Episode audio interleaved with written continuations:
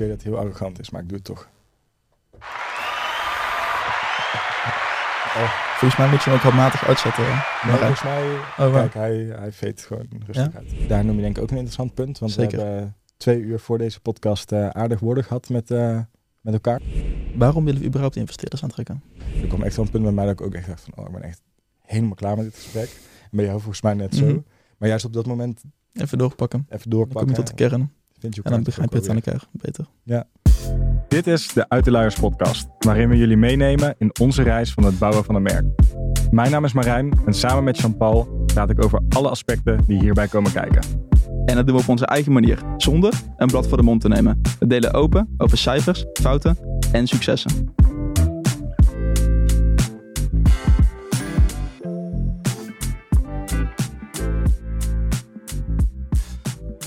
Welkom bij de vierde aflevering van de Uit de Luiers podcast. JP, welkom. Dankjewel Marijn. Zijn we weer eh, met z'n tweeën deze aflevering. Drieën bedoel je? Wie dan? Nou, volgens mij hebben we extra gezelschap van niemand minder dan Hans. Ja, Wie is Hans? ik krijg al een lichte middelvinger eh, subtiel naar me opgestoken. Vertel eens wat meer over Hans, eh, JP. Die, eh, die op je voorhoofd zit volgens mij Ja, Marijn. ik wil zeggen, iedereen die de video kijkt, die heeft hem snel zien zitten. Het is mijn mooie... ja, is niet heel smakelijk om dit te bespreken. Hoe, hoe zullen we dit subtiel beschrijven? Of we moeten heel snel doorpakken. We kunnen zeggen dat het een puistje was die uit de hand is gelopen. Ja. Zo Ja. erg uit de hand gelopen dat ik drie keer op de spoedpost heb gezeten. Ja, ik zou vooral gaan kijken. De video. De video. Ja, Mhm. nou, nu is het niet meer zo spannend als afgelopen week. Maar het is nog steeds niet vrij. Goed. ehm, nu pak ik subtiel door. Heel goed. Heel goed, top. Ehm, wat is er gebeurd in de afgelopen week? Nou, sowieso laten we even stilstaan bij... Het heeft natuurlijk lang geduurd tussen deze podcast en de vorige podcast in. Want toen hebben we de maand juli eigenlijk teruggeblikt. Ja. En nu zitten we vandaag op 6 oktober. Dus dat is twee maanden ongeveer verder dan de vorige podcast. Ik denk dat we... Het zijn wel twee... Er is wel echt veel gebeurd in die twee maanden. Maar ik denk dat het qua, qua omzet zijn het en cijfers zijn het twee redelijk gelijke maanden geweest. Klopt. Meteen Ja, erbij pakken? Ja, is misschien wel leuk. En dan kunnen we denk ik even hebben over... ehm, ja, kut, nu gaat het nu alweer mis hè, met onze samenvatting. Ik zit naar het lijstje van aflevering 3 te kijken. Maar dan gaan we het gewoon even hebben over de cijfers van nu. De inkoop waar we mee bezig zijn geweest. Investeerders die we willen aantrekken. Marketing, retail hebben we best wat stappen ingezet. Ja. Nu ook heel concreet. Waar we eerst nog heel erg zaten te zoeken, hebben we nu echt de eerste, eerste retailers aan ons gebonden. Ehm, laten, we, ja, laten we beginnen met cijfers. Tof. We zitten in de maand augustus op eh, ruim 14.500 euro omzet. Wacht, ik weet dat het heel arrogant is, maar ik doe het toch.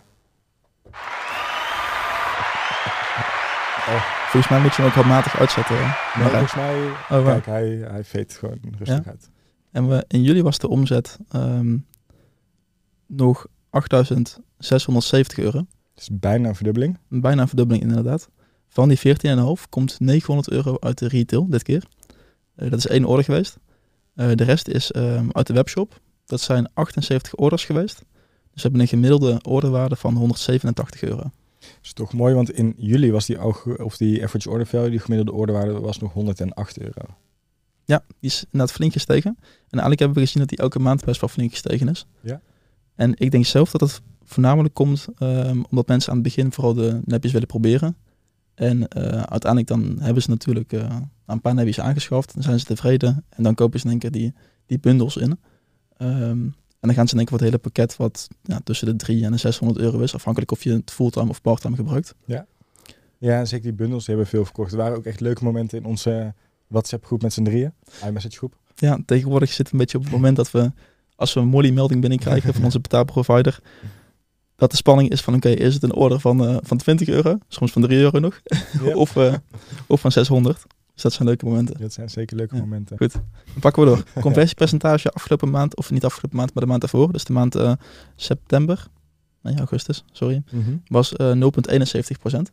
Daarvoor was 0,75 procent, dus we zijn eh, met 5 procent gedaald. Mm, Met 0,04% gedaald, toch? Dan? Van 0,75 naar 0,70. Ja, effectief bedoel ik. Oh, effectief. Ja, sorry. Op zich, die conversieratio vonden wij toen al laag. Ja, en die is nu niet heel veel beter En geworden. die is niet heel veel beter geworden, inderdaad. Ik, ik vraag me nog steeds wel eens af waar dat mee te maken heeft. Ik denk toch ook dat we best een complex product hebben. Dat En- denk ik ook. ook wel een lange oriëntatiefase. Want ik beheer nog steeds de supportbox waar de, waar de vragen op binnenkomen. Romy doet de DM's op Instagram. En je ziet heel veel. Ik heb heel vaak klanten die een maand geleden een vraag stelden, die, dan, die ik dan een maand later bij Molly voorbij zie komen. Ik denk toch dat het- dat hele aanlooptraject, je, je koopt die luister natuurlijk maar in principe één keer voor de hele looptijd of de hele levensduur van, of de, ja, hoe noem je het? De tijd dat je, dat je kindje in de luier zit. Mhm. Dus ik denk dat mensen er daardoor toch wel bovengemiddeld lang over nadenken. Dat denk ik ook. En ik denk ook dat het grotendeels te maken heeft met, eh, met de website. Maar daar staan we straks langer bij stil. Ehm, over naar de highlights, naar de holy fuck van de afgelopen periode en de fuck yeah. Laten we beginnen met, eh, met de Holy Fuck. Want die is eh, best groot. En als je onze vorige podcast had geluisterd en wij zaten de auto te reflecteren, had je het misschien aan kunnen voelen komen. Maar we hebben veel, veel, veel te lang over de inkoop gedaan. Tot op nog toe. Ja, tot op nog toe. Inderdaad, nou, we hebben nu een, een eerste inkoop, een kleine eerste inkoop Ja, gedaan. ja. Ehm, maar ik denk, we hebben ons heel erg gefocust op dat we een nieuwe collectie wilden. En dat we meer decens toe wilden voegen, dus meer, meer printjes. Ehm, ik denk dat we heel erg stil hebben gestaan bij hoeveel aantallen hebben we nu nodig. Wat willen we wel en wat willen we niet met de retail doen. Als we die retail willen gaan bedienen, hebben we dan niet veel grotere aantallen ook nodig. En ik denk dat we daar zo lang op stil blijven, ja, zijn blijven staan. Ehm, dat we eigenlijk iedere keer maar uitgesteld en uitgesteld en uitgesteld hebben. Totdat we op een gegeven moment op de website zagen, hey, eigenlijk onze allerpopulairste nappy, de iGrow met de blaadjes, die is, die is uitverkocht. Daarvan hebben we zelfs een klant moeten opbellen en moeten zeggen, sorry, je hebt iets besteld, want het was ook nog verkeerd geteld in het magazijn. Dus we hadden iets verkocht wat we echt niet meer hadden. Hebben we wel goed gemaakt. hebben we heel erg goed gemaakt door eh, eh, in plaats daarvan het aantal neppies wat hij besteld had in een ander printje naar keuze op te sturen. En als de nieuwe voorraad binnen is, dan sturen we het hem na. Dus die was verder helemaal blij. Ja, gratis. toch voelde het, het voelde niet lekker. Nee, ehm, ook beginnersfoutjes die erbij horen, denk ik. Zeker.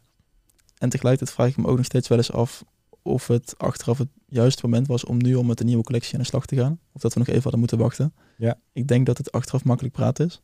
Ehm, Z- zou jij dan hebben gezegd, laat nu eerst groot opnieuw inkopen op deze collectie, later pas nieuwe printjes? ja, ja, ook omdat we de eerste collectie best wel lekker hebben verkocht tot op heden toe.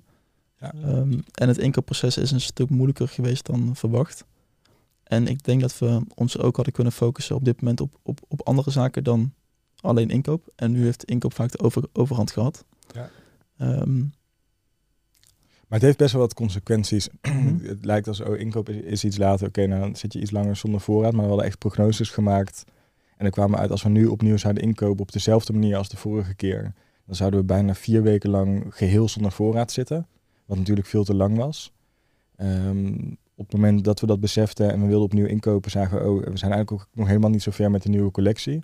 Dus we hebben even best wat, wat discussie ook wel onderling gehad over kopen dan de nieuwe collectie eh, later in ja, exact. Dus ik, de ik huidige collectie nu. ook bedoelde is eigenlijk de nieuwe printjes op een later moment inkopen. Ja, precies. En de huidige collectie gewoon nog een keer opnieuw inkopen. Ja. Maar ook daar hebben we natuurlijk best wel een discussie over gehad. Kopen dan de hele huidige collectie opnieuw in? Of Ja. kopen daar dan 11 van de 12 printjes in? 10? Doen we de twee slecht lopende uit? Doen we de slechts, Ja. zes slecht lopende eruit? Dat is wel leuk om nu te vertellen. Ehm, we hebben nu dus gekozen om op de semi-lange termijn. Dus we hebben nu eigenlijk de huidige voorraad nog een keertje ingekocht in een kleine bulk.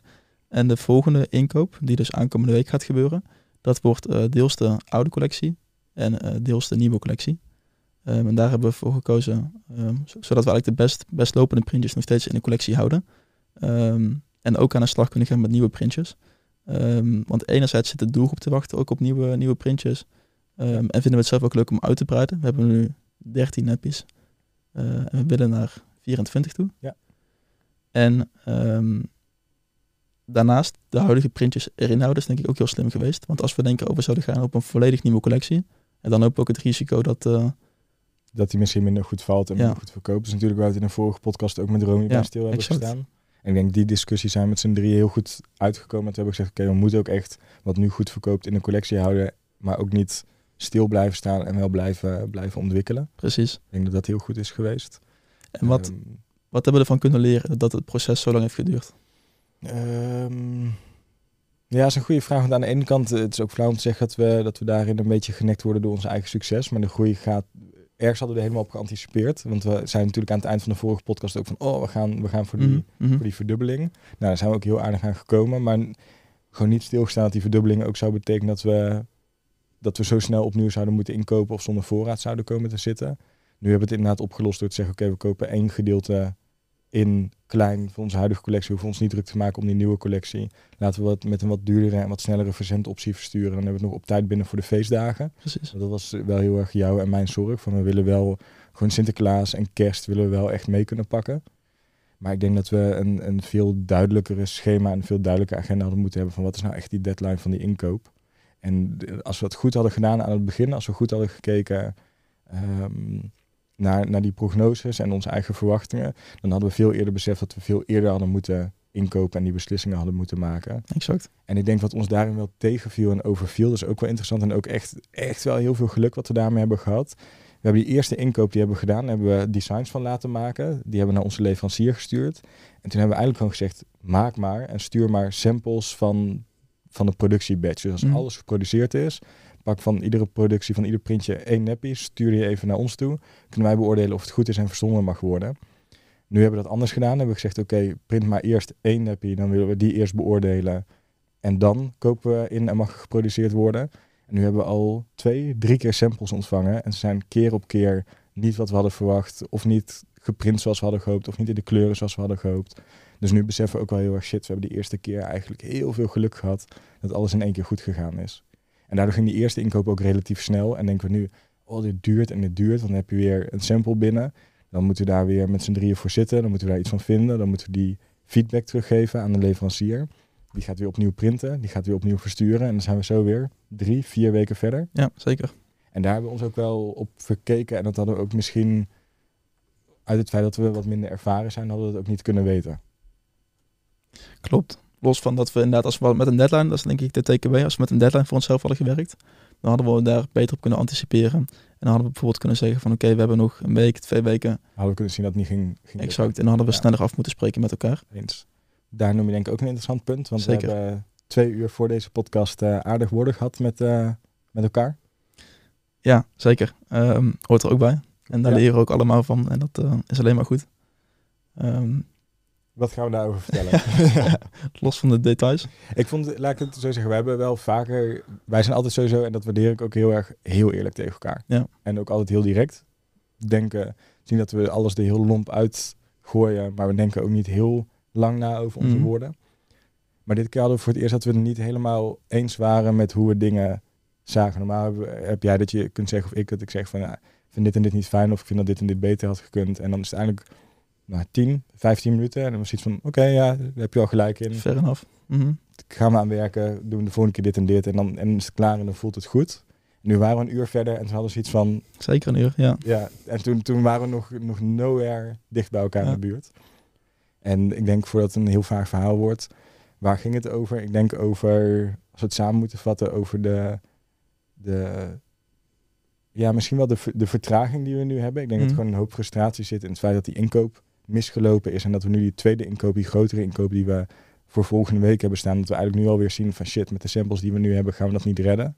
En daarop ook de frustratie als we de korter op hadden gezeten en sneller naar die samples hadden gekeken en sneller beslissingen hadden genomen en daarin duidelijker met elkaar waren geweest, dat we niet weer opnieuw in deze situatie hadden hoeven zitten. Exact.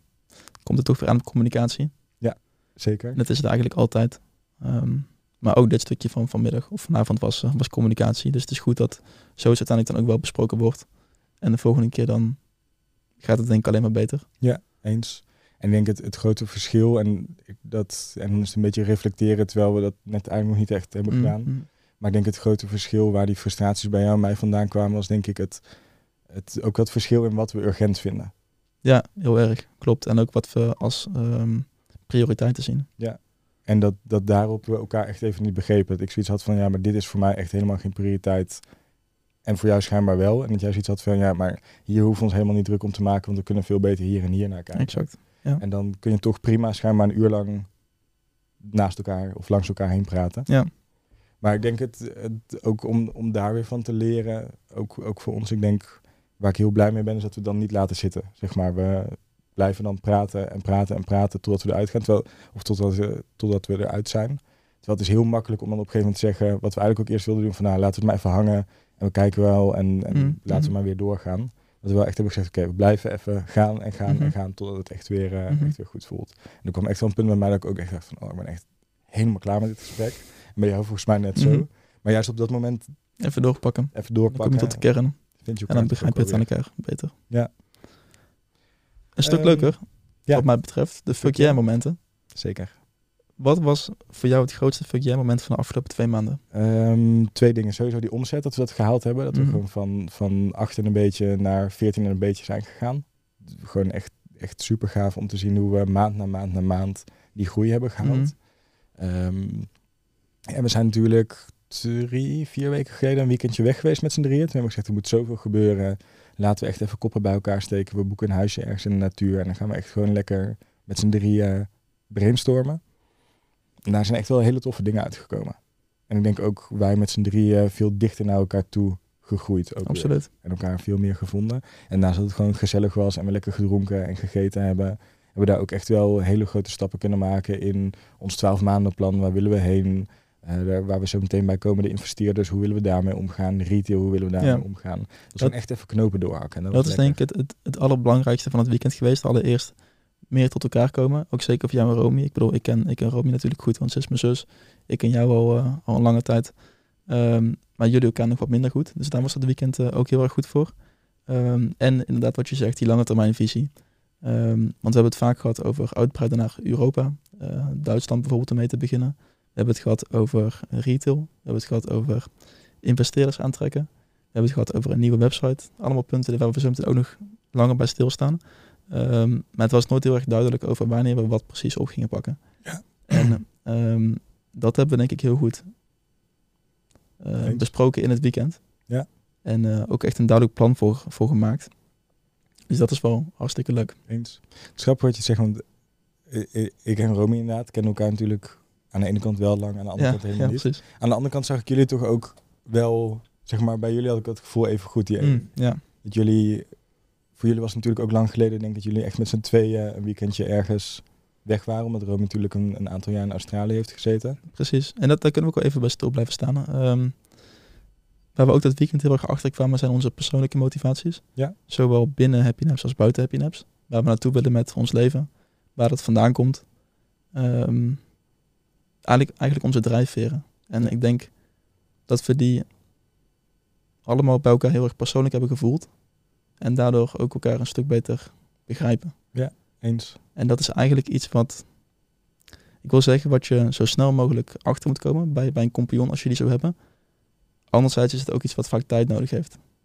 Ja. En ehm, ik denk dat dat weekend eigenlijk perfect eh, viel qua timing. Dat denk ik ook wel. Ja. En, ook, en dat vond ik ook wel mooi aan die gesprekken. Ik weet ook niet of we onze persoonlijke drijfveren moeten noemen. Of dat het misschien te persoonlijk wordt voor hier. Kunnen we misschien een keer een andere podcast. eh, Een keertje doen. maar dat je, je leert elkaar dan ook wel echt op een ander vlak kennen. Ja. En dat vond ik dan ook wel weer het mooie aan ons drieën. Ook daarin waren we ook, ook nog zelfs wel best kritisch naar elkaars drijfveren. Ja, Want ja. is dit wel de juiste drijfveer om iets Exact. te doen? Of is dit, is dit wel... Is, zou je hier niet eens een keer op een andere manier naar moeten, naar moeten kijken? Dat vind ik dan ook wel mooi. Dan is niet zo van, oh ja, we horen elkaar aan en iedereen mag zijn Hakuna Matata. Maar dan Mhm. is het toch nog wel echt even kritisch kijken naar Ja. elkaar een beetje uitdagen. En ik, ik weet niet, ik vind dat wel heel mooi aan de dynamiek met ons drie. Zowel in, in, die, in die, ik wil het geen ruzie noemen, wat we net hier voor de podcast hadden, maar in de woordenwisseling. heftige woordenwisseling die we hadden. Ehm, maar net zo goed in dat weekendje, dat iedereen altijd, altijd die openheid heeft. Mhm. Dat is echt iets, eh, echt iets heel erg moois. Ja. Tof. Hey, was wat we ook jouw, hebben eh, besproken, Ja, sorry. ik wil nog even terug. Wat Ja. was jouw fuck yeah moment?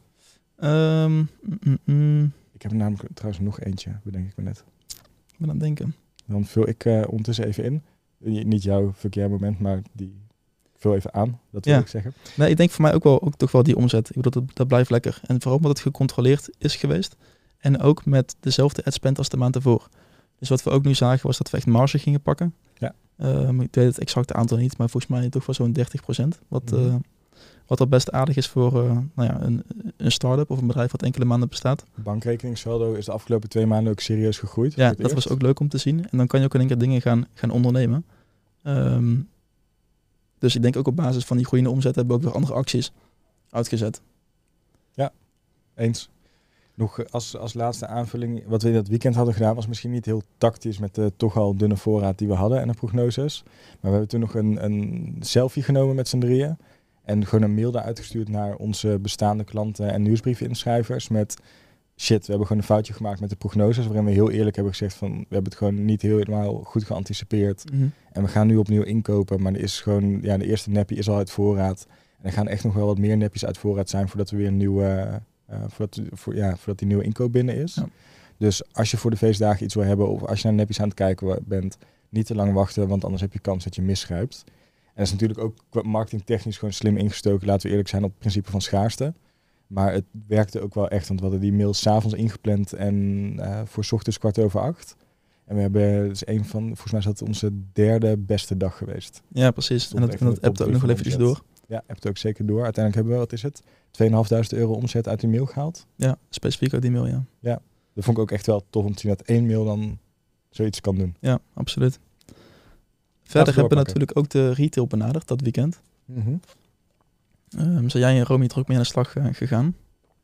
Was ook nog best een uitdaging. Wat, wat, wat vond jij daarin de, de grootste uitdaging? Ehm, ik vind het sowieso interessant. We hebben natuurlijk in de eerste podcastaflevering heel duidelijk gezegd: niet fuck de retail, maar het kwam er wel praktisch op neer. We hebben Ja. gezegd: die retail, dat zien we over twaalf maanden wel. We gaan eerst zorgen dat onze positie heel sterk is. En dan doen we die benaderingen wel weer een keer. Ehm, maar wat we eigenlijk merkten in de afgelopen maanden was dat we uiteindelijk 10 of 12, misschien wel meer, 15 retailers hadden. Het waren dan vaak single point verkopers, dus, retailers met, met maar één winkel. Ja. Dus niet de hele grote ketens eh, zoals een prenatal of, eh, of een babydump of iets in die richting. Maar gewoon wel echt ook wel serieuze winkels met, met een, een oppervlakte bijvoorbeeld van 5000 vierkante meter en een grote superstore. Die ons benaderden met, hey, we zijn echt super geïnteresseerd in, in jullie product. En we zitten al langer naar de productgroep te kijken, maar jullie printjes spreken ons specifiek heel erg aan. Kunnen we daar iets mee? Dat hebben we eigenlijk laten liggen tot het weekend. Ja. Waarbij we inderdaad hebben gezegd van, oké, zijn we hier eigenlijk wel klaar voor? Ja. Want wat het met de retail is, die koopt natuurlijk in wat grotere hoeveelheden in.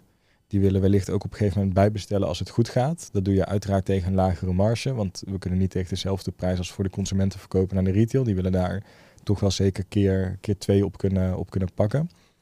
Dus ja, hoe ga je dat doen? En als je die voorraad zoals bij ons al dun is, ga je dan echt een deel van die voorraad waarvan we weten dat we hem toch wel gaan verkopen voor het eind van het jaar, ga je die dan nog naar de retail afsturen?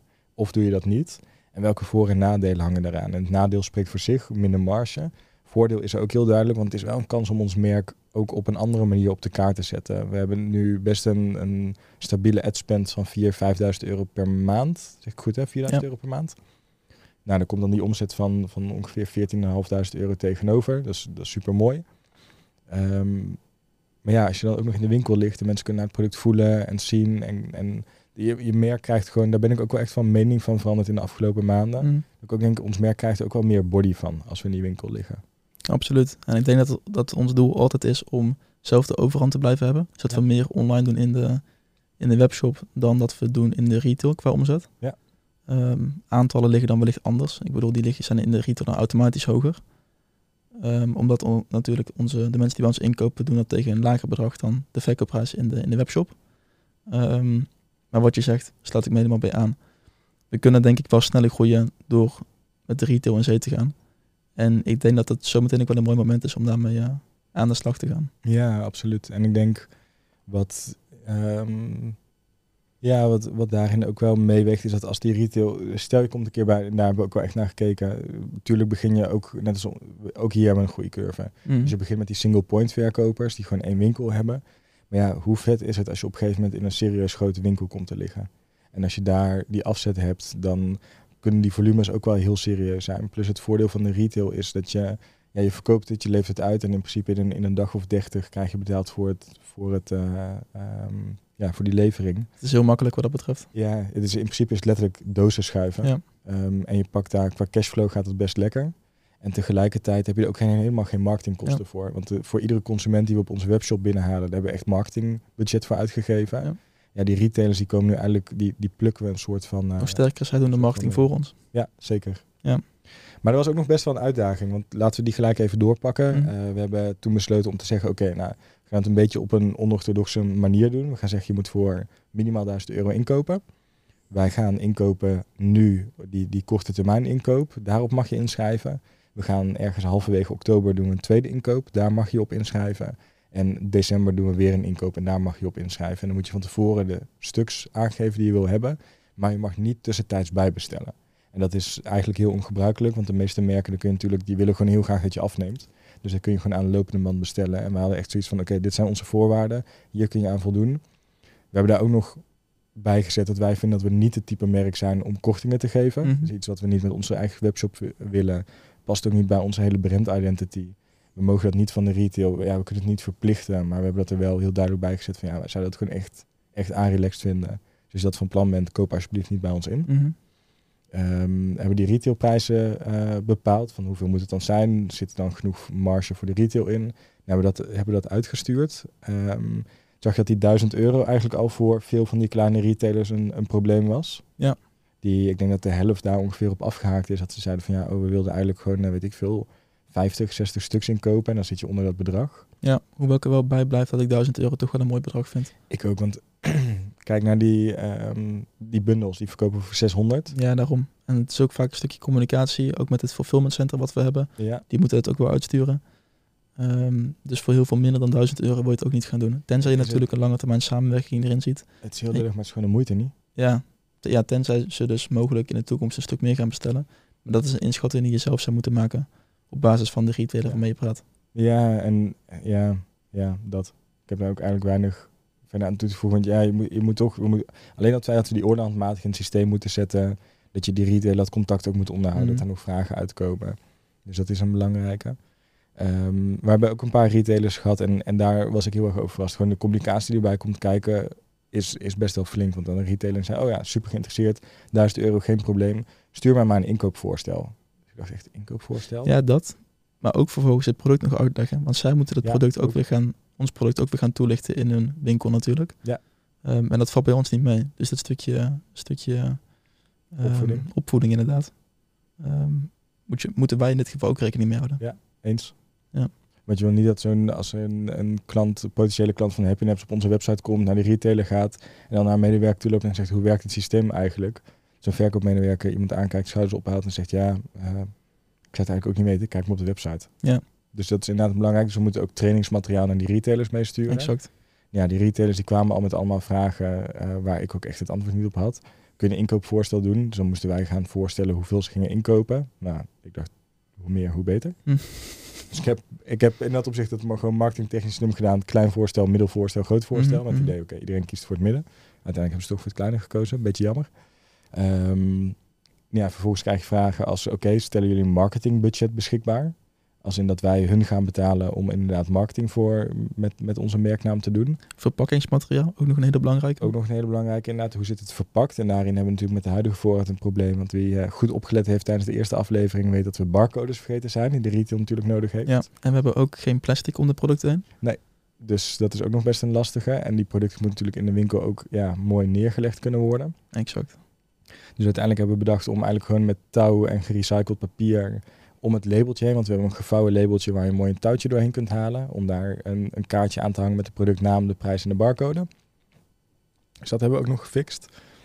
Ehm, ja, wat hebben we nog verder met die retail? Ja, dan krijg je vragen als eh, hoe snel moeten we betalen? Krijgen we betalingskorting als we sneller betalen? Stel je marketingbudget beschikbaar? Dat is het trainingsmateriaal beschikbaar? Gewoon die hele communicatie ben je zo'n eh, mail of 10, 12 verder. Exact. Maar dat hebben we wel gedaan. En daar zijn nu de eerste twee, drie retailers uitgekomen die een order hebben geplaatst. Dus dat is ook wel echt hartstikke, hartstikke tof. En daarmee begint eigenlijk ook onze eerste stap. Maar hebben wij ook wel gezegd tegen elkaar van oké, zodra die grote inkoop binnen is, dan gaan we wel een veel serieuzere benadering doen naar de retail. En dan gaan we ons ook echt focussen op de grote vissen. Exact. Ja. En dan pakken we even door. Is goed. Wat ik ook nog wel een hele leuke vond, is dat ehm, de, ehm, het conversiepercentage excuus, aanzienlijk is gestegen. Mhm. Ehm, niet volgens mij de, van de maand augustus naar september, maar de maand Die daarvoor. was van 75 naar 71. Ja, precies. Maar de maand daarvoor, toen was hij eh, van een half procent Ja. volgens mij naar 0,7 procent. Klopt. En dat dat achteraf hebben we dat goed onderzocht, dat dat heel erg te maken had met de vertaling in de checkout. Klopt. Die waren, dat was echt. Ja, en daar kunnen we ook nog wel een boek open, over opentrekken, de website. Want we zijn natuurlijk heel enthousiast met Shopify begonnen. Een systeem waarmee je heel gemakkelijk eigenlijk zonder enige programmeerkennis een webshop op kan bouwen. Dat is heel fijn geweest, want we hebben in, eh, wat is het, twee weken tijd met een paar avondjes hebben we... Er een website uh, uitgestampt. Maar... ehm, ja. Achteraf? Nee, achteraf was het Ja. een prima keuze denk ik, om mee te starten. Geen spijt, geen spijt. Nee, dat zeker niet. Ehm, maar het is goed dat we zo meteen toegaan naar een custom website. Ja, Waarin we zelf een stuk meer in de hand hebben. want waar we tegenaan lopen, Shopwise is gewoon ontwikkeld voor heel veel mensen. En daar zitten allerlei extensies bij en die werken op een, op een hele specifieke manier ook weer. En een van de problemen waar we nu gewoon een paar keer tegenaan zijn gelopen, wat ons serieus geld heeft gekost, is dus dat als je bijvoorbeeld, je had volgens mij, we hebben eh, gekozen om uiteindelijk toch verzendkosten te gaan rekenen onder een bepaald bedrag. Dat we toch wel heel veel bestellingen binnenkregen van mensen die één artikel waren vergeten en dat er dan achteraan pleurden. Dus wat hebben we nu gezegd? Vanaf 40 euro is het gratis en daaronder betaal je wel. Eh 99. Oh, 99. Nou, een stukje hoger. Toen hebben we in de checkout een aanpassing gemaakt, ook eh, over die, over die verzendvoorwaarden. En dan in één keer vallen alle vertalingen in de checkout ongeveer weg. En Ja. toen was weer de helft van de Nederlandse checkout in het Engels. Ja. En eigenlijk vanaf dat moment zie je een serieuze dip in de conversieratio. Hebben we dat opgelost, serieuze uplift weer. Exact. Wat ook logisch is, want ik heb dat ook als ik op een webshop kom en de helft is in het Engels en de helft is in het Nederlands. Dan denk ik ook altijd, mm, een beetje Ja. shady shit. En toch tegelijkertijd is het ook grappig, want het is iets ehm, wat heel veel klanten van ons ook onderschat hebben Ja. altijd. Of nog steeds onderschatten. En ik zelf misschien dit keer ook wel lichtelijk. Dat ik Ja. ook wel zoiets had van, nou, het kan toch niet zoveel schelen. Jij zei het ook letterlijk. Die paar zei, woordjes, je zei, dit gaat niet zijn. nee, nee, precies. Het was niks anders. En Ja. Ja, dat zijn ook hartstikke leuke dingen. Daar kunnen we nog een andere keer langer bij stil blijven staan. doet me wel aan denken dat, kijk, we hebben natuurlijk in het begin hebben we gezegd, oké, we gaan ons focussen op heel Europa. Daar zijn we vrij snel van teruggekomen en hebben we gezegd, nou laten we eerst Nederland en België veroveren en dan Ja. door. Ja, hoe gek is het dan om te zeggen, laten we een, een, bijvoorbeeld een Nederlandse webwinkelkeur of thuiswinkelwaarborg toevoegen? Ja, Want zou dan- veel doen. Dat zou voor de betrouwbaarheid denk ik veel doen. En toch, als je 500, 600 euro uitgeeft, is het toch wel lekker als er zo'n keurmerk bij staat voor het gevoel. Ja. Daarover gesproken, we gaan echt wel weer lekker van de hak op de tak. PN3. Ik ben er best teleurgesteld over. Komt misschien ook hoe, ni- niet over de service aan zich, maar gewoon over hoeveel mensen het gebruiken. Want we hebben we hadden het gevoel dat echt veel zou toevoegen, dat je in drie termijnen kon betalen. Dat als je een bundel kocht, dat je dan in, in dan betaal je één deel gelijk en dan na 30 dagen het tweede deel en na 60 dagen het derde deel. En wij dachten alle twee echt van, nou, dit gaat echt een serieus verschil maken. Ja, ik vind het een, een lastige, want ik ben het helemaal met je eens. Het is voor ons tegengevallen tot op heden. Mhm. Maar nu wil ik PN3 ook niet helemaal eronderuit eh, praten. Want ik Oh het, eh, nee, ik wil ook niet, ook niet naar hun toe. Ja. Maar meer gewoon, ik had verwacht dat de consumenten er veel vaker voor zouden kiezen. Ja, precies. Maar dan praat ik op het volgende punt. Ik denk dat ehm, als wij het duidelijker op de website naar voren laten komen. Mhm. En daar zou PN3 ons wel beter bij kunnen ondersteunen. Met dat, eh, met dat al zijde. Ehm, met bijvoorbeeld standaard, eh, standaard logootjes. Mhm. Die we in de footer kunnen plaatsen bijvoorbeeld. Ehm, dan zien consumenten het sneller. En dan kunnen ze waarschijnlijk ook denken van... Oh kijk, daar ga ik gebruik van Mhm. maken. Terwijl de mensen die nu betalen of die in de checkout komen... Die hebben PN3 eigenlijk nog niet echt gezien. Nee, klopt. Dus die hebben eigenlijk al besloten van oké, ik ga het betalen op dit moment. Mhm. En dan zoek je al heel snel, ik heb het zelf altijd tenminste, ik zoek meteen naar Ideal. Als er geen Ideal bestaat, creditcard. Ja. En ja, anders zou ik de niet in één keer... eh, we, we noemen het ook niet niet. Hè. Bij de bundels hebben we het er ook in, in dik gedrukt bijgestaan dat je het in drie termijnen kan betalen. Staat Klopt. vlak bij de voeg toe aan winkelwagenknop. wat dat betreft denk ik dat nog steeds dat mensen wel heel visueel zijn ingesteld. Ja, eens en zou het, zou het veel beter kunnen. Ik Ja. vind trouwens denk ik dat het te ongenuanceerd was over PN3. Hè? Eh, ja, ja, ja, ik denk het ook. Ja. Dat is die ene keer dat ik van een concurrent de luiers echt fucking lelijk noemde. Dat was ook niet zo subtiel. Nee, precies. Fijn dat ik het dan nu weer even herhaal. hè. Nee, het is ook verder een fijne partij dus. Ja. ja, nee, heel goed. Ehm, ja, ik weet niet, maar ik had, ik had oprecht wel verwacht, al was het maar 10% geweest, dat we onze conversieratio goed zou doen. Maar we hebben nu, ja, je zei het al, 78 orders in augustus, ongeveer hetzelfde in september. En even voor de beeldvorming zijn dus 150 orders, er zijn er vijf van betaald met in Ja, ja. Dus dat is weinig. Terwijl voor Klarna wordt nog steeds relatief veel gekozen. Klopt. Ik is denk- misschien ook meer bekend bij mensen. ja, ik Klarna. kan zeggen, ik denk toch ook de naamse bekendheid. En ik moet zeggen, wat ik wel fijner vind aan Klarna, daarvoor krijgen wij na drie dagen uitbetaald. Als iemand daarvoor Mhm. kiest. Bij PN3, PN3 een maand volgens mij. ja. 30 dagen. Voor de cashflow is dat iets, iets minder tof. Maar Ja. Hey, een hele wel. leuke. Ik ben benieuwd naar hoe je daar tegenaan kijkt. We hebben het gehad over de holy fuck momenten en de fuck yeah Mhm. momenten. Pampers is ook met een soort Oh, van fuck, quasi deeloplossing gekomen. Kwamen daar tijdens het weekend achter. Dit is echt, zullen we deze aflevering meer de hak op de tak noemen? Of hadden we daar al eentje van? Ehm, Voordat we zo meteen naar de, naar de toekomstplannen kijken, wil ik hier nog even mee eh, Ja. afsluiten eh, op de terugblik. mhm, mhm. Wat vinden we daarvan? Dat, eh, dat Pampers nu is gekomen met een geen wasbare luier, maar een, een Ja. luier waar die je deels moet wassen en waarbij je een deel weggooit. Ja, ze noemen het zelf gewoon een wasbare luier hybride systeem. Ja, ja. En waar het eigenlijk op neerkomt is dat ze, vergeef me als ik het verkeerd zeg en iemand van Pampers luistert, maar ik ga weer lekker ge- ongenuanceerd zijn. Ze hebben eigenlijk die, gewoon een wegwerpluier gepakt. Die hebben ze, nou wat zal het zijn, 25, 50 procent dunner gemaakt of, of minder materiaal. En dan gaat daar een soort, soort kunststof overbroekje omheen. En dan kun je dat kunststofbroekje kun je wassen. Maar er komt ook eigenlijk niks anders in dan, ja, het wordt een beetje vochtig van de binnenkant volgens mij en that's it. En dan van de buitenkant blijft het droog. Dus dat kun je dan wassen. Daardoor is er iets minder wegwerpmateriaal nodig, omdat dat er overheen zit. Ehm, en je gooit in feite nog steeds gewoon heel veel, heel veel ja, weg. klopt. Maar ze noemen het zelf wel wasbaar. Dus het is wel, we hebben aan het begin gezegd, we hebben twee doelgroepen. De mensen Mhm. die echt duurzaam zijn en die daar gewoon heel veel voor over hebben en dat willen doen. Je hebt de mensen die duurzaam willen lijken. En vooral het, het ook een beetje als, ze noemen het ook wel volgens mij de havermelk-elite, die vooral heel erg wil laten zien, kijk mij duurzaam zijn en kijk mij, kijk mij goed bezig zijn met de wereld. Ja, daar is dit systeem natuurlijk heel aantrekkelijk voor. Want je kunt zeggen, hey, ik gebruik wasbare luiers. Terwijl in feite heb je nog best veel luierafval. Klopt. En stiekem is dat nog steeds best wel duur. En ik snap dat Pampers het zo aanpakt.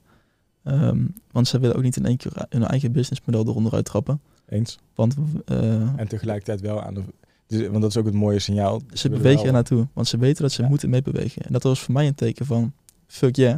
Ja, Ehm, zeker. Want dat betekent dat zij nu al inzien dat die markt nog zoveel groter gaat worden. Ja, en, dat dat als de ze- markt aan het verschuiven is ook op dit moment. Exact. En dat als ze niet oppassen, ehm, ze zo meteen niet meer mee kunnen bewegen. En dan zeg ik Ja. iets mogelijk geks, omdat Pampers natuurlijk een miljarden omzet draait. Ehm, anderzijds, ik zie het ook nog wel voor me dat, dat zometeen de Nederlandse overheid of andere overheden gaan zeggen, ehm wegwerpluiers mogen niet meer. En dat wordt helemaal een interessante wereld waarin we dan leven. Ja, eens. Althans, voor ons. Ja, en dat is, dat is zeker waar. Want dat zei iemand anders ook tegen mij. Die zei van ja, wat, wat ze nu met die rietjes aan het doen zijn. Ja, is ook op een bepaalde manier. Het, het is een mooi initiatief, maar het is ook een druppel op een gloeiende plaat. Terwijl als je kijkt dat 10% van het afval van luiers komt. Ja, dan als je echt iets significants wil doen, dan inderdaad, dan pleur je dat eruit. Of je gaat het, dat is waarschijnlijker denk ik, heel heftig belasten. Bijvoorbeeld Zou ook belasting op, net als met sigaretten. Wat natuurlijk gewoon ook hartstikke, ehm, eh, hartstikke slecht is. Ook als je kijkt naar hoeveel mensen er ziek van worden, de kosten die Mhm. ermee gepaard gaan, et cetera. Exact. En dat, de- die kans is natuurlijk best wel, eh, best wel heel groot. Ik vraag me af of Nederland daar de leiding in gaat nemen. Ik denk eerder dat een Scandinavisch land het gaat doen. Maar dat zal, het zal op, op termijn zal het echt wel komen. Dat denk ik ook. Dat denk ik ook. En het is mooi, want ook dit, dit hebben ik weet niet meer welk moment het was, maar dat hebben we vaker, dat we dat in de podcast benoemen, dat je dingen als een holy fuck of, of als een fuck yeah kunt zien. Wij denken hiervan vooral van yes, Pampers gaat die markt pushen. Het is een heel positief signaal überhaupt naar ons toe dat we op de, op de juiste Mhm. richting zitten met dit product. Je zou het ook kunnen zien als een holy fuck. Ja, als een Pampers dit gaat doen, dan chercheer even maar wie zijn wij dan nog? Exact, ja. Nou, gelukkig zijn we onderscheidend genoeg om tegen ze op te kunnen boksen. Eh, omdat we een hele specifieke doelgroep hebben nog steeds. We Ja, zitten meer aan de bovenkant van de markt. En Pampers wil sowieso voor de hele markt gaan. eens. En zij houden denk ik ook nog wel voorlopig een eh, hybride oplossing. Ja. Waarbij wij natuurlijk echt op de wasbare zitten. Ik ben benieuwd waar die over vijf jaar heen gaan. Als iemand bij Pampers werkt, dit hoort en zijn geheimhoudingsovereenkomst wil breken, dan eh, mag je mailen naar uh, podcast.uiteluiers.nl. Dan horen wij graag van die plannen. Ehm, Zullen we even naar de toekomst? eh, nou, het, Gaan kijken. eh, het, het mooie mailadres wat ik net noemde, doet me denken aan vragen van de luisteraars. mhm. Hoeveel tijd zijn wij kwijt aan happynaps per week? Hmm. Hele leuke. En die stelt Ruben ons inderdaad ook wel eens. Wie niet? Ja. We hebben het er nooit over gehad, maar ik weet niet eens waarom. Het is voor ons denk ik een soort van vanzelfsprekendheid. En ik denk dat heel veel mensen juist de indruk hebben en het vanzelfsprekend vinden dat wij hier 40 Nou, uur per week mee bezig zijn. Dat is het leuke. Ik, eh, ik hoor tegenwoordig op familiefeestjes. ehm, ben heel benieuwd wat er nu gaat komen. ja, vooral hoe is het met Happy Naps? En al het andere laten ze achterwege. En dan denk ik, ja, leuk dat je dan informeert. En ik vertel er graag over. Maar dat is niet alles wat ik doe. Sterker nog, het is misschien 10% van je tijd. Nou, zoiets denk ik. Want hoeveel, ja, hoeveel uur steken we er per week in? Het, het wisselt natuurlijk. Maar Het wisselt heel een, erg. Een bandbreedte noemen. Ehm, ja, ik denk gemiddeld genomen denk ik een paar uurtjes per week. Ja. Waarbij we natuurlijk ehm, soms eh, heel veel afspreken in een, in een week tijd. Mhm. Of een heel weekend ervoor pakken. Het. Ehm, en soms ook eigenlijk een week niks doen op eh één keer in een week een uur, eh, een uur maar een paar uurtjes per week is denk ik het gemiddelde als we het uittrekken over. De afgelopen eh, twee maanden. Aan het Ja. begin is het natuurlijk meer geweest bij het opzetten van een website en de eerste feedback en alles. Maar ik denk sinds we live staan, zes uur per persoon per week. Zoiets denk ik, ja. Dus eigenlijk, want die reactie krijg ik terug als ik tegen mensen zeg, natuurlijk absurd. Weinig. En natuurlijk zijn we ook wel in ons hoofd mee bezig, maar die, die uren tel ik, eh, tel ik nooit mee. Eh, ik denk als we er effectief aan werken, ja, zes uurtjes, zoiets. Ja. Ik denk dat Romy er wel meer tijd aan heeft besteed. Ja. Weet ik wel zeker, een stuk meer. Ehm, Zeker de laatste tijd met de nieuwe collectie. Exact. Maar ook dat gaat in de toekomst eh, een stuk minder worden. Ja, en ik denk, ja, ook omdat we gewoon heel veel uitbesteed hebben. En ik denk dat dat echt, echt winnen is. In dat opzicht, we pakken niet zelf pakketjes in. We doen, oké, ik doe die supportbox en Romy doet de DM's van Instagram. Telefoon pakken we niet zelf op. Ja, wat, wat is er aan, aan structurele werkzaamheden die wij oppakken? Heel weinig. We bemoeien ons echt alleen maar met, Ja, met de volgende processen stappen. die veel tijd kosten is een inkoopproces. Ja. Is het regelen van een fotoshoot bijvoorbeeld, wat we maar één keer pas hebben gedaan. Ehm, maar andere dingen kan je automatiseren of uitbesteden. En ook daarin, ik wou net zeggen, besteden we natuurlijk veel uit in de vorm van ook de designs van de nieuwe collectie laten we ook doen. Ja. Vertalingen van de website laten we doen. Ja. Eigenlijk alle dingen die, heel veel dingen die gemaakt moeten worden. Een nieuwe website waar we nu mee bezig zijn, laten we doen. Dus, ja, ook een hele leuke trouwens, om eh, mee door te pakken zo meteen. Ehm Ja, of- wil- of wil wil je nog meer over kwijt? Over, Nou, ik dacht als het toch om de tijd gaat, ehm, Bianca. Hele goede. We hebben er ook voor gekozen om met eh, Bianca in gesprek te gaan. Eh, Bianca werkt bij ehm Marijn op kantoor, vier dagen in de week. Ja. En ehm, nou, ze heeft nog een dagje vrij. Dus Mhm. eh, hopelijk kunnen we haar strijken om een dagje voor Happy Naps te komen werken. En die willen we eigenlijk gaan invullen, want dat hebben we in het weekend zijn we tot die conclusie gekomen. Dat was eigenlijk een van de keuzes die we daar gemaakt hebben. Dat we ook wel vinden dat we een paar dingen wel te veel laten liggen. Als in, we zouden heel graag meer willen bloggen, meer content willen maken. We zien dat één zo'n e-mail eruit sturen 2000 euro omzet oplevert. Dit is een van de eerste drie of vier mails die we eruit sturen. Dat zouden we eigenlijk gewoon iedere twee weken consistent Zeker. moeten doen. Wat dat betreft hebben we heel vaak ideeën. ehm, en die Ja, komen ja. er eigenlijk niet echt van. En het is denk ik fijn als iemand er sowieso dedicated één dag in de week op zit. Dat we ook weten van oké, ik kan dit even opsparen. Alle, alle dingetjes die er moeten gebeuren. We geven het aan Bianca bij wijze van spreken. En zij, zij tikt 80% af die dag. En dat is gewoon lekker. En ook even de structurele dingen zoals retouren terugbetalen. Ja. Dat is ook echt een Of klusje af en toe een bloemetje opsturen naar een klant of een leverancier. Of Ja, dat soort dingen, die willen we ook wel eens doen. Wat, wat, wat, wat wel eens gewoon hoort in sommige eh, momenten. En dat zijn echt dingen die 10 minuten kosten. ja, Maar ook iets wat we, wat we echt hebben laten liggen is... We hebben natuurlijk naar best wat influencers pakketten gestuurd. Hebben we volgens mij niet echt opgevolgd. We zijn daar ook niet echt achteraan gegaan met... Oh, hey, hoe vond je... Ja. Werkt het? En de influencers die er wel over gepost hebben... zouden we ook na twee maanden gewoon weer een keertje moeten opvolgen met... Hey, gebruik je het nog steeds? Ja, en nog sterker, het liefst door klanten. Het liefst heb ik dat we eigenlijk iedere klant eh, op dit moment in deze fase van het bedrijf nog nabellen. Ja. Met een heel kort telefoontje. Eens. van hey, hoe bevalt het product en wat kunnen we eraan verbeteren? En, ehm, en, en zeker de mensen die het retour hebben gestuurd. Ehm, niet om ze vervolgens over te halen van hey, kom toch naar Happy Naps, maar juist om Nee, gebruik te maken van hun feedback. Ja. ja, dat is zo belangrijk voor iedere, voor iedere start-up. Eens. En ik denk Bianca is daar gewoon een hele mooie fit. Die heeft gewoon veel ervaring met die influencer marketing. Die kan die content heel mooi uitknallen. Ja. Fijn als ze dan inderdaad even die andere taakjes erbij oppakt. Dat dat gewoon uit ons hoofd is en wij ons weer kunnen focussen op de grotere processen. Exact. Dus dat zal eh, ergens volgende week wel gaan gebeuren. Ja. Maar dat geeft gewoon wel veel, veel ruimte. En ik denk dat dat sluit ook weer heel mooi aan bij onze filosofie die we de eerste keer tijdens de podcast al genoemd hebben. Zoveel mogelijk dingen uitbesteden. Zeker. Ehm, hoe eh, zit het met de tijd trouwens? Want we hadden ons voorgenomen deze podcast een keer iets eh, bondiger te maken. Op drie kwartier nu. Op drie kwartier. Nou, dingen die we nog willen doorspreken. Nieuwe website denk ik. En de investeerder. En de inkoop. Exact. Wil jij hier nog iets aan toevoegen? Nee, dat zijn ze. Mooi. Nieuwe website hebben we eigenlijk vanmiddag nog voor gezeten. Ja. Met z'n drieën. En Thomas erbij, de designer die eh, nou, de website gaat designen. Ehm, wat heeft ons doen besluiten om op dit moment voor een nieuwe website te gaan? Ehm, tweeledig. Ik denk enerzijds die probleem met Shopify. Gaan we niet nog een keer herhalen. Maar we lopen gewoon tegen dingen aan die we willen die niet kunnen. Mhm. En de tweede allerbelangrijkste denk ik, ja, net zo belangrijk, de bundels. We krijgen heel veel vragen, want we hebben dus die bundels geïntroduceerd twee maanden geleden. Dat heeft heel veel goeds gedaan voor onze conversieratio. Waarmee je dus tegen een iets afgeprijsde prijs kun je dan kiezen voor 24 neppies of 12 neppies. Met bijpassende hoeveelheid inleggers en liners. Maar het probleem wat we daar gewoon echt mee hebben is dat mensen dan gewoon van ieder iedere luier één of twee stuks krijgen. Dus van al onze printjes krijg je er één of twee. En we krijgen echt heel veel mailtjes, appjes, belletjes met... hey, kan ik mijn eigen bundel samenstellen? Want ik vind dit printje niet mooi of ik vind dit printje zo mooi dat ik er drie van wil in plaats van één. Ehm, en wat we dan nu doen is voor die klanten op maat het pakket samenstellen of met een kortingscode werken. Maar we zeggen, en hebben we vaak ook tijdens de podcast gezegd, voor iedereen die aan de bel trekt, zijn er tien mensen die denken, nou, boeiend, dat werkt niet, ik uh, shop ergens Mhm, anders. Exact. En dat soort dingen zijn ook niet mogelijk in Shopify. Dus dat valt een beetje samen met het eerste. En dat willen we heel graag fixen. Dat we gewoon veel meer het product goed kunnen uitleggen. Veel beter kunnen faciliteren in de dingen die onze klanten willen als het gaat om die bundels. Dat we ook veel duidelijker kunnen maken. We hebben nu de staffelkorting. Dus als je meer dan vijf neppies koopt, krijg je 5% korting. Bij 10, 10%. Bij 20, 20%. Maar heel veel mensen valt dat of lijkt dat toch niet echt op te vallen. Mhm. Moet ook, precies wat jij zegt met P&3, het moet visueel gemaakt worden. Dit staat ook textueel uitgelegd ergens in de tekst.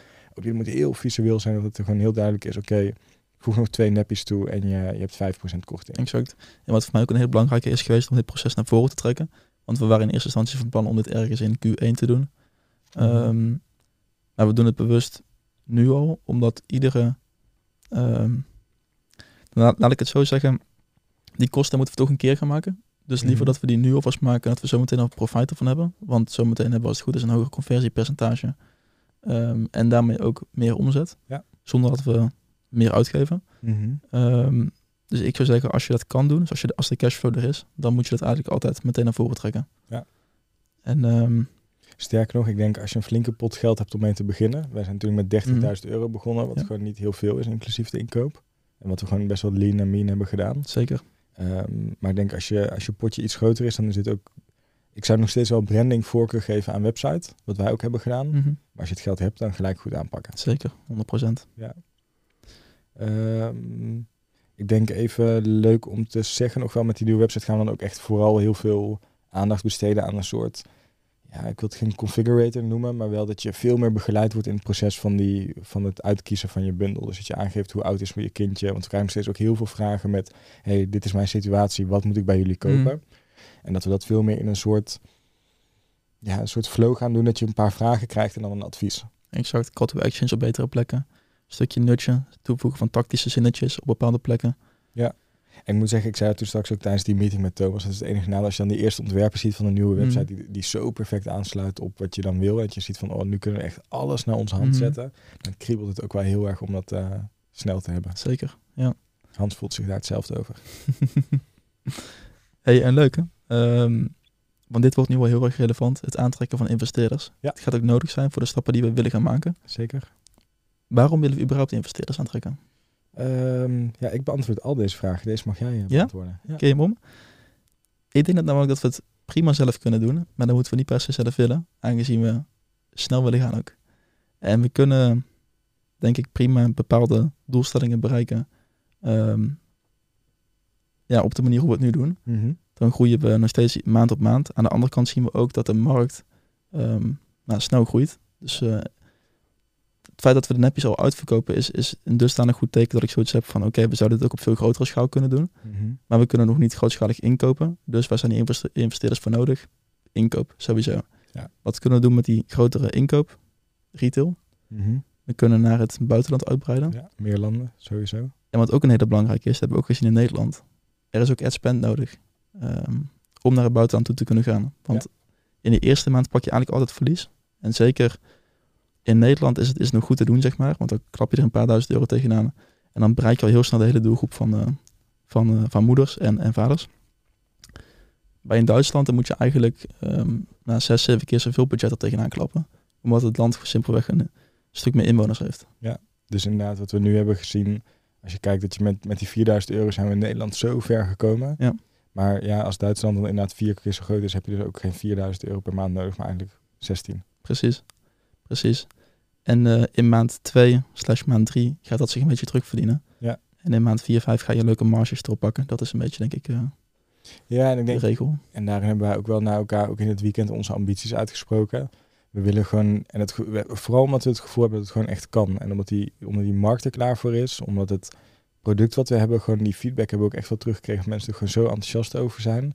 Dat we echt iets hebben van, het, het kan gewoon. We kunnen gewoon, nou laten we als eerste mijlpaal voor een, we hebben gezegd, een, een ton omzet ergens mid volgend jaar gaan, per maand. En, en dat moet gewoon kunnen. Ja, halverwege volgend jaar. Ja. En het is nu nog een keer, eh keer zes, zes en half gaan. Ehm, Voor mijn gevoel is het helemaal niet zoveel. nee, want ik zie het heel duidelijk voor me, zeg maar. Same. Ik denk als we Rita toevoegen, ga je twee keer zo hard. Nou, Duitsland is nog eh, vijf keer zo groot. Heb je andere landen nog niet meegenomen. Dan heb je ook nog het stuk dat steeds meer mensen erover gaan praten. Omdat simpelweg meer mensen ons eh, product in huis hebben. Mhm. Ehm, dus al die factoren spelen mee. We, er komt nog een nieuwe website aan met, met, met optimalisaties. Maar geld is dan wel een serieus probleem, want we hebben Zeker. de vorige keer voor 15 ingekocht. Nou, dat hebben we er nu, waar- waarvan we twee langzamere maanden en nu twee snelle maanden hebben gehad, zie je gewoon, oké, in vier maanden tijd. En zometeen als het in dit tempo doorgaat, in twee maanden tijd, zouden we eenzelfde inkoop gewoon weer uitverkocht hebben. Het duurt gewoon meer dan drie maanden van het moment van inkoop totdat het bij ons in fulfillment ligt. Dus dat is ook lang. Dus ja, als we, om het even heel concreet te maken, als we, we hebben een beetje lopen rekenen, als we naar Duitsland erbij willen pakken, ja, dan hebben we dus 16.000 euro of 15.000 euro voor je gemak S-spend nodig. Keer drie maanden, dat is al 45.000 euro. Als we dan zeggen, oké, daarvoor willen we ook inkopen en tegelijkertijd willen we Nederland blijven, eh, blijven bedienen en de retail ook aanspreken. En dan willen we ook voor een, een grote retailer gaan. Dan moeten we misschien alleen al voor Nederland drie keer zoveel inkopen Ja. als we nu doen. Dus dat is dan 45. Nou zeg je dan voor Duitsland ook drie keer zo groot inzet. Ja, dan, dan heb je het in één keer al over tonnen Klopt. die je op voorhand moet gaan En de OTEX-certificering wordt dan eh, Ja. ook wel relevant. Oeketex. Oekotex. Ja, ik zeg Oekotex. het altijd verkeerd. Maar goed, Ik weet ook niet of ik het goed uitspreek hoor, maar volgens mij is het Oekotex. klinkt goed. Die willen we inderdaad, want die zit nu alleen zo'n op 10.000 de- euro volgens mij. Acht. Ja, Ja. En die zit nu alleen op de knoopjes van de luiers. Maar die willen we, en op, volgens mij op de buitenkant van de luier, maar dan weer niet op de binnenkant. Dat komt er weer van een andere leverancier. Maar we willen gewoon dat het ding in zijn geheel op naam van Happy Naps Exact. gecertificeerd wordt. Dus dan heb je het in één keer over, eh, over twee, eh, ja, misschien wel twee ton, drie ton, wat we, wat we op termijn nodig hebben. Ja, ik denk dat drie... ehm, ja, misschien aan de hoge kant is. Ik denk net, ja, maar zelfs eh, een drie zouden we opkrijgen, zeg maar. Ja. Ik denk dat alles bij, gewoon bijdraagt aan groei. Ehm, maar met een twee weten we zeker dat, het, eh, dat we het al op korte termijn kunnen gaan, gaan waarmaken. En met een, eh, met een drie is meer stretchen, maar is ook altijd leuk. En dan komt natuurlijk de vraag, als je nu twee ton gaat weggeven. Wij zitten nu, we hebben volgens mij ook wel gezegd, maar eh, gelijk in Happy Naps met z'n drieën. Ja. Dus we hebben allemaal 33%, 33,33% van de aandelen. Hoeveel ga je dan weggeven en hoeveel vind je dat waard? Maar ook vooral hoeveel vindt een investeerder het in dit stadium waard? Ja, precies. En dat is een beetje ook het ding. Hè, van, ik denk ook dat we heel bewust kiezen voor geen aandelen weggeven. Omdat we nog echt in een, een beginnende fase zitten. Dus alle Dat aandelen die we... toelichten, want we hebben nog niet verteld hoe we het willen aanpakken. Hoe we wat willen aanpakken, dit hele proces. Ah, juist. Ja, Dat willen we in twee stapjes gaan doen eigenlijk. ja klopt. Nou, de eerste stap is eh, inderdaad dat we ehm, het willen gaan lenen van eh, kennis, eh, familie, vrienden. Ehm, tegen rente. Ehm, maar goed, dan speelt een stukje gunfactor vaak ook, ook natuurlijk mee. Ja. Aan de andere kant kunnen we dan niet voor, voor een mega jackpot gaan, bij wijze van spreken van, eh, van een half miljoen. Eh, dat zou je eerder zien als je richting aandelen beweegt. Ja. Aan de andere kant kiezen we hier bewust voor, omdat het zonde is om nu alvast aandelen, of niet, maar omdat het zonde is om nu al aandelen weg te gaan geven, als we nog best wel wat groeistappen kunnen maken. Tenzij we een investeerder vinden natuurlijk die ehm, ook die groeipotentie zien, ziet zoals wij het zien. En ehm, nou, daarin ook ehm, echt mee wilt ondernemen en ook een stukje eh, risico durft te nemen. Ehm, dat iemand zegt van oké, ik klap er wel een paar ton tegenaan. Ja. Maar goed, dat ehm, hoe we het nu voor ons zien en dat we meer, dat meer zelf in de hand. groot is, maar dan willen we dat, zeg maar, dan moeten we de investeerder vinden en, en daarmee in gesprek gaan. En dan ben je ook zelf tijd verder, terwijl wij willen gewoon heel graag Snel gaan. voor het eind van het jaar een serieuze stap Ja, maken. En dan is dit een heel veel snellere route. Precies, exact. Dat zeg je goed. En, en daarnaast ook dat we, als we een investeerder aantrekken die, die, die graag aandelen wilt in een bedrijf, dan moeten wij er ook nog zelf echt iets van vinden. Ik bedoel, het geld is leuk, maar de investeerder zelf ehm, moeten we ook een goede klik mee hebben natuurlijk. Absoluut. En die moet ook wel, het zou fijn zijn als diegene ook van een, een, toegevoegde waarde kan leveren in het bedrijf. Ja. Niet per se op eh dusdanig groot dat wij eh, niet meer ons eigen bedrijf kunnen gaan leiden. Mhm. Maar wel bijvoorbeeld bepaalde ingangen naar ehm, het buitenland inkopen. Bijvoorbeeld daar zo. Ehm, Ja, laten we heel eerlijk zijn. Kijk, alleen voor het geld hoeven we het dan niet te doen. Ik denk, zeg maar, ja, we willen snel gaan, maar we hebben ook weer niet zo'n danig haast dat we denken, oké, de eerste, de beste investeerder die voorbij komt en die, die inderdaad wat geld wil neerleggen, daar doen we het voor. Dan, dan kunnen we inderdaad wat we nu willen gaan doen uit onze omgeving. Kennen we aardig wel wat mensen die denk ik veel vertrouwen in ons hebben, die het ons ook heel erg gunnen.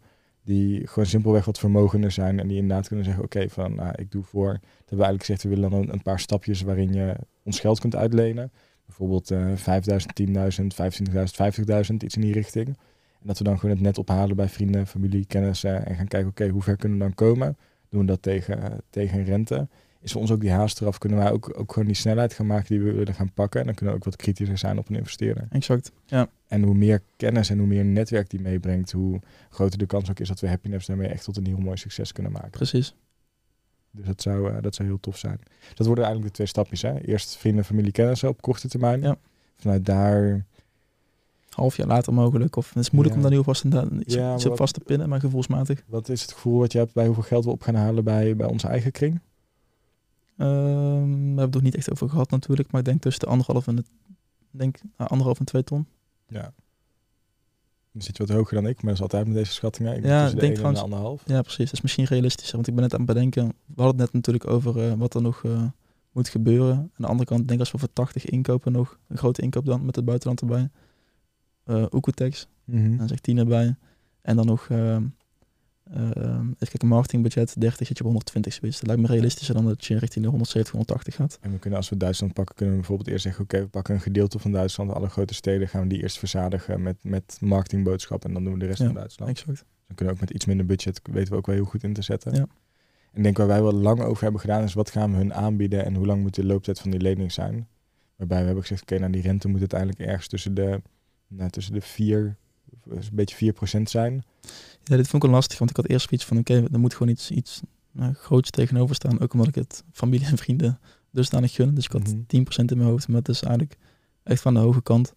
Ehm, een stukje gunfactor speelt natuurlijk ook mee. Dus ik, ik hoop dat de mensen die ehm, het geld op de bank hebben staan en, het leuk vinden om, om te investeren en ook wel vertrouwen erin hebben. Ik zou, niet, Mhm. willen, ik zou niet geld van iemand willen eh, lenen als diegene geen vertrouwen erin heeft. Dat, Nee. dat, dat slaat nergens op.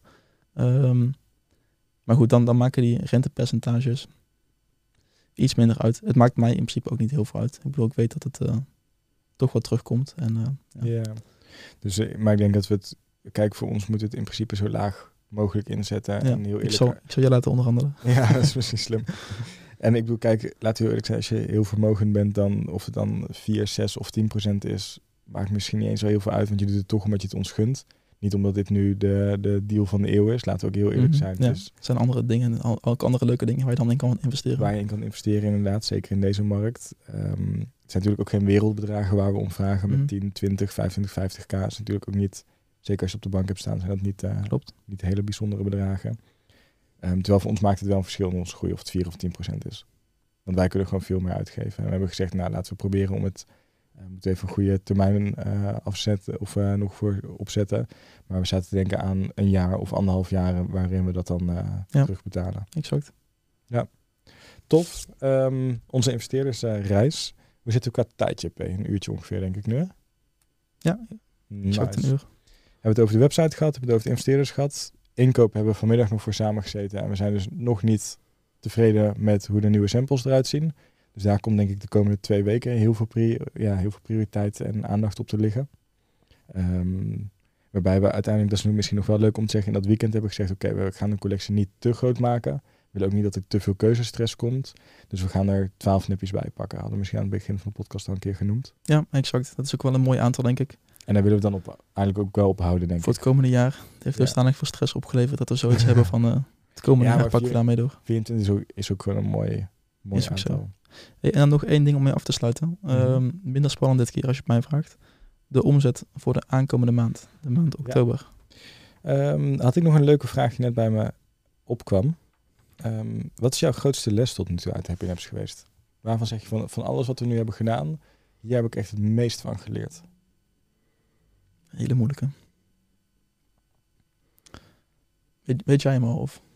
Ja, nou, hij kwam net bij mij binnen, zeg maar, met, met het... ehm, ik denk met, op, op marketingvlak wel heel erg met die verzadiging. Dat we gewoon zien... Ergens, ergens wisten we wel dat het zo zou werken, Mhm. hadden we er ook op geanticipeerd. Maar dat je gewoon, als je maar blijft knallen met die adspend, dus dat we gewoon hebben gezegd, oké, we gaan vanaf maand 1 draaien die kraan open met 4000, 5000 euro per maand. En dan gaan we gewoon die hele doelgroep van ongeveer 300.000 ouders, gaan we gewoon zorgen dat die constant onze advertenties opnieuw zien. dat je dan gewoon inderdaad na die drie maanden gewoon zo'n enorme lift ziet in omzet. En dat, ik vind die les wel heel waardevol. Als ik nu terugkijk Mm, naar mhm. augustus en september. Als ik kijk van oké, het, is, het is ook echt, echt ergens best wel spannend geweest om meer aan marketing uit te geven voor Dan dat er binnenkomt. dan dat er binnenkomt Ja. voor echt week na week na week na week. Maar voor mij is dat wel een les in vertrouwen geweest dat je dan ziet van oké, dat komt ook echt terug. En geduld is Ja. daarin een schone zaak. 100%. En daar zeg je echt iets zo moois. En ook, ook het stukje dat je zei ehm, dat dat voor ons altijd wel redelijk vanzelfsprekend is geweest. We wisten dat het eraan ging komen. Terwijl andere mensen in mijn omgeving vonden het volgens mij een stuk spannender. Die dachten, oh, eerste maand had ik voor eh, 2000 euro omzet. Volgens mij ging er een stuk meer uit nog zelfs. eh, net zoveel nu misschien wel aan marketingbudget. Ehm, en wij wisten van, oké, het gaat wel komen. Ehm, aan de andere kant heb ik het ook dik, dik, dik onderschat natuurlijk eh, de eerste maand. Want ik zat tien keer zo hoog in mijn omzet, omzetverwachting. Ehm, en dat komt denk ik ook precies door wat je zegt. Het stukje, als je ergens in investeert, verwacht je vaak op korte termijn resultaat. Maar in praktijk werkt het heel vaak zo niet. En dat is ook hoe het hele ondernemerschap is. Je steekt ergens heel veel effort in. Eh, Of het nou in geld is of in tijd. Ja. In, in ons geval is het, nou met Happy Naps is het iets meer geld. Althans, relatief is dat ook maar natuurlijk. Maar vaak is het beide. Ehm, en ik denk ook zeker in de eerste weken met Happy Naps was het ook een hele hoop tijd. Ehm, en, en, en dat is het stukje wat bij ondernemerschap hoort. Als je daar die rust in bewaart. En weet dat het, als je maar hard, ge- hard genoeg je best doet, het links of rechts maar terugkomt. Eens. Ik ben in dat opzicht ook echt wel, ik kan ook wel met een, met een stukje trots terugkijken op hoe we dat Ja, nu al. hebben. Nu al. Ja. Ja. Zeg maar, met, natuurlijk met alles wat er nog gaat komen. Aan de andere kant denk ik ook, oké, we hebben wel met inderdaad een, een vier tot zes uur per week zijn we echt wel gewoon een serieuze business aan het opzetten. We halen echt een hele serieuze groei. Onze klanten zijn hartstikke blij. Zeg maar, het is, het is ook echt wel, wij staan er alle twee niet heel vaak bij stil, maar zo'n podcast is daar een mooi moment voor. Ik denk, we zijn Ja. ook echt, eh, echt ver gekomen. Ja. In een hele korte tijd. Goed, dan gaan we nu door naar de laatste vraag. Wat Ja? denk jij? Slaat je, sla jij gewoon mijn vraag over? Of heb je die net, of sluit je je aan bij mijn les? Nee, ik, ja, ik moet eerlijk zeggen dat ik me helemaal aansluit. Ehm, ik vind het leuk dat ik veel volgens verwachtingen zie gaan. Dat we ook wel dingen aan het controleren zijn voor mijn gevoel. Waar dat misschien de eerste weken nog een stuk minder was. Ehm, ja, grootste les. Ik denk inderdaad dit stukje. Ik ben sowieso vrij ongeduldig van persoonlijkheid. Beter geworden over de jaren heen. Maar eh, ehm, ik, ik sluit me voor nu aan bij wat je zei. Ja, Nice. Ik ga me over een tijdje wel weer een keer opnieuw ja stellen. leuk, leuk. Oké, sorry. We komen terug bij jouw eh, laatste vraag. De omzet voor de aankomende maand. Wat verwacht je daarvan? Ja, je zei het al, wordt een saai hè? Kijk, we hebben eh, onze populairste nepje is uitverkocht. We kunnen niet harder groeien dan dit, dus we gaan bewust niet inzetten op extra initiatieven. We gaan ons juist focussen op die inkopen en die investeerders. En veel minder dan wat we de afgelopen maanden hebben gedaan op marketing. Dus ik zou zeggen, ja, het, het, eh, in principe verandert onze inzet niet, dus dan verandert de, de output ook niet. Ja. Dus dan zullen we op eenzelfde omzet als augustus, september uitkomen. Heel misschien een stukje minder, omdat onze populairste nepje ontbreekt. Dus dat zul je wellicht een klein beetje voelen. Zou kunnen. Ja. Dus ik, ja, ik zou zeggen ergens, eh, ergens tussen de, de, de 13 en de 15k. Ja, ik denk hetzelfde. Ik denk hetzelfde. Ik denk als we marketingbudget eh gaat sowieso niet hoger. Ik zou eerder zeggen terugschroeven juist of Mhm. hetzelfde houden. Ehm, en dan verwacht ik dat de output ook hetzelfde is. En waar we natuurlijk rekening mee moeten houden. ehm, en daar komen de volgende podcast ook nog even bij terug. Maar Black Friday komt eraan in november. Ik heb mijn mailbox al vol zitten met de eerste early Black Friday campaigns. Het staat echt helemaal nergens op en die kreeg ik al eh, 1 oktober. En wat je nu die tijd wel ziet is dat adverteren veel duurder wordt. Want er komen veel meer adverteerders bij je. Die gaan allemaal een, een pre- pre-launch campagne voor een Black Friday actie doen. Het begint vaak op 1 november, soms al in oktober. Wat je dan ziet is dat de kosten voor het adverteren omhoog schieten. Dus dat je voor hetzelfde budget minder mensen gaat bereiken. En wij hebben heel bewust gezegd, we gaan niet meedoen aan Black Friday. Want het, het, dat hele, dat hele ehm, ja, hoe gaan we het noemen? Agressieve Snelle, agressieve. consumeren, dat, dat past niet bij ons merk. Het past ook niet bij ons duurzaamheidskarakter. Dus ik, ik ben benieuwd of we dat wellicht eind deze maand al gaan voelen. Of misschien begin volgende Mm. maand. Dat we minder mensen bereiken voor hetzelfde geld. Zou je nog een, een klein effect van Ja. verwachten. Aan de andere kant komt het ergens ook wel mooi uit met, eh, met de voorraad. En dan gaan we richting de feestdagen Precies. wel weer, eh, wel weer knallen. Eh, ik vond het een leuke podcast. Was weer een mooie samenvatting van de afgelopen eh, twee maanden. Zo, jij denkt, ik kap hem af. Bij deze uur gehad. Nee, dit Nou, heel goed. eerlijk, ik had het wel in mijn hoofd. ja, dacht ik al. Maar Maar het is beter dan de vorige keren. Ja, 1 minuut, va- eh, één uur en vijf minuten. Kunnen we nog even één applausje krijgen? Jij zit dichterbij. Oké. Heel goed, hè? Gaan we afsluiten. Ehm, ja, dus, eh, we hebben hier zo'n mooie afsluitingszin voor die ik altijd vergeet. Maar iets met review ons alsjeblieft als je ons tof vindt op eh, je favoriete podcast app. Volg ons, stel ons een vraag. Ja. Doe je ding. Nodig Doe ons een suggestie voor de podcast. Stuur ons een mail op podcast.uitdeluiers.nl Stuur eh slide in de DM's van je PS en Instagram. En dan zijn we de volgende keer weer bij je terug. Dat dacht ik ook. Oké. Ciao. Lala.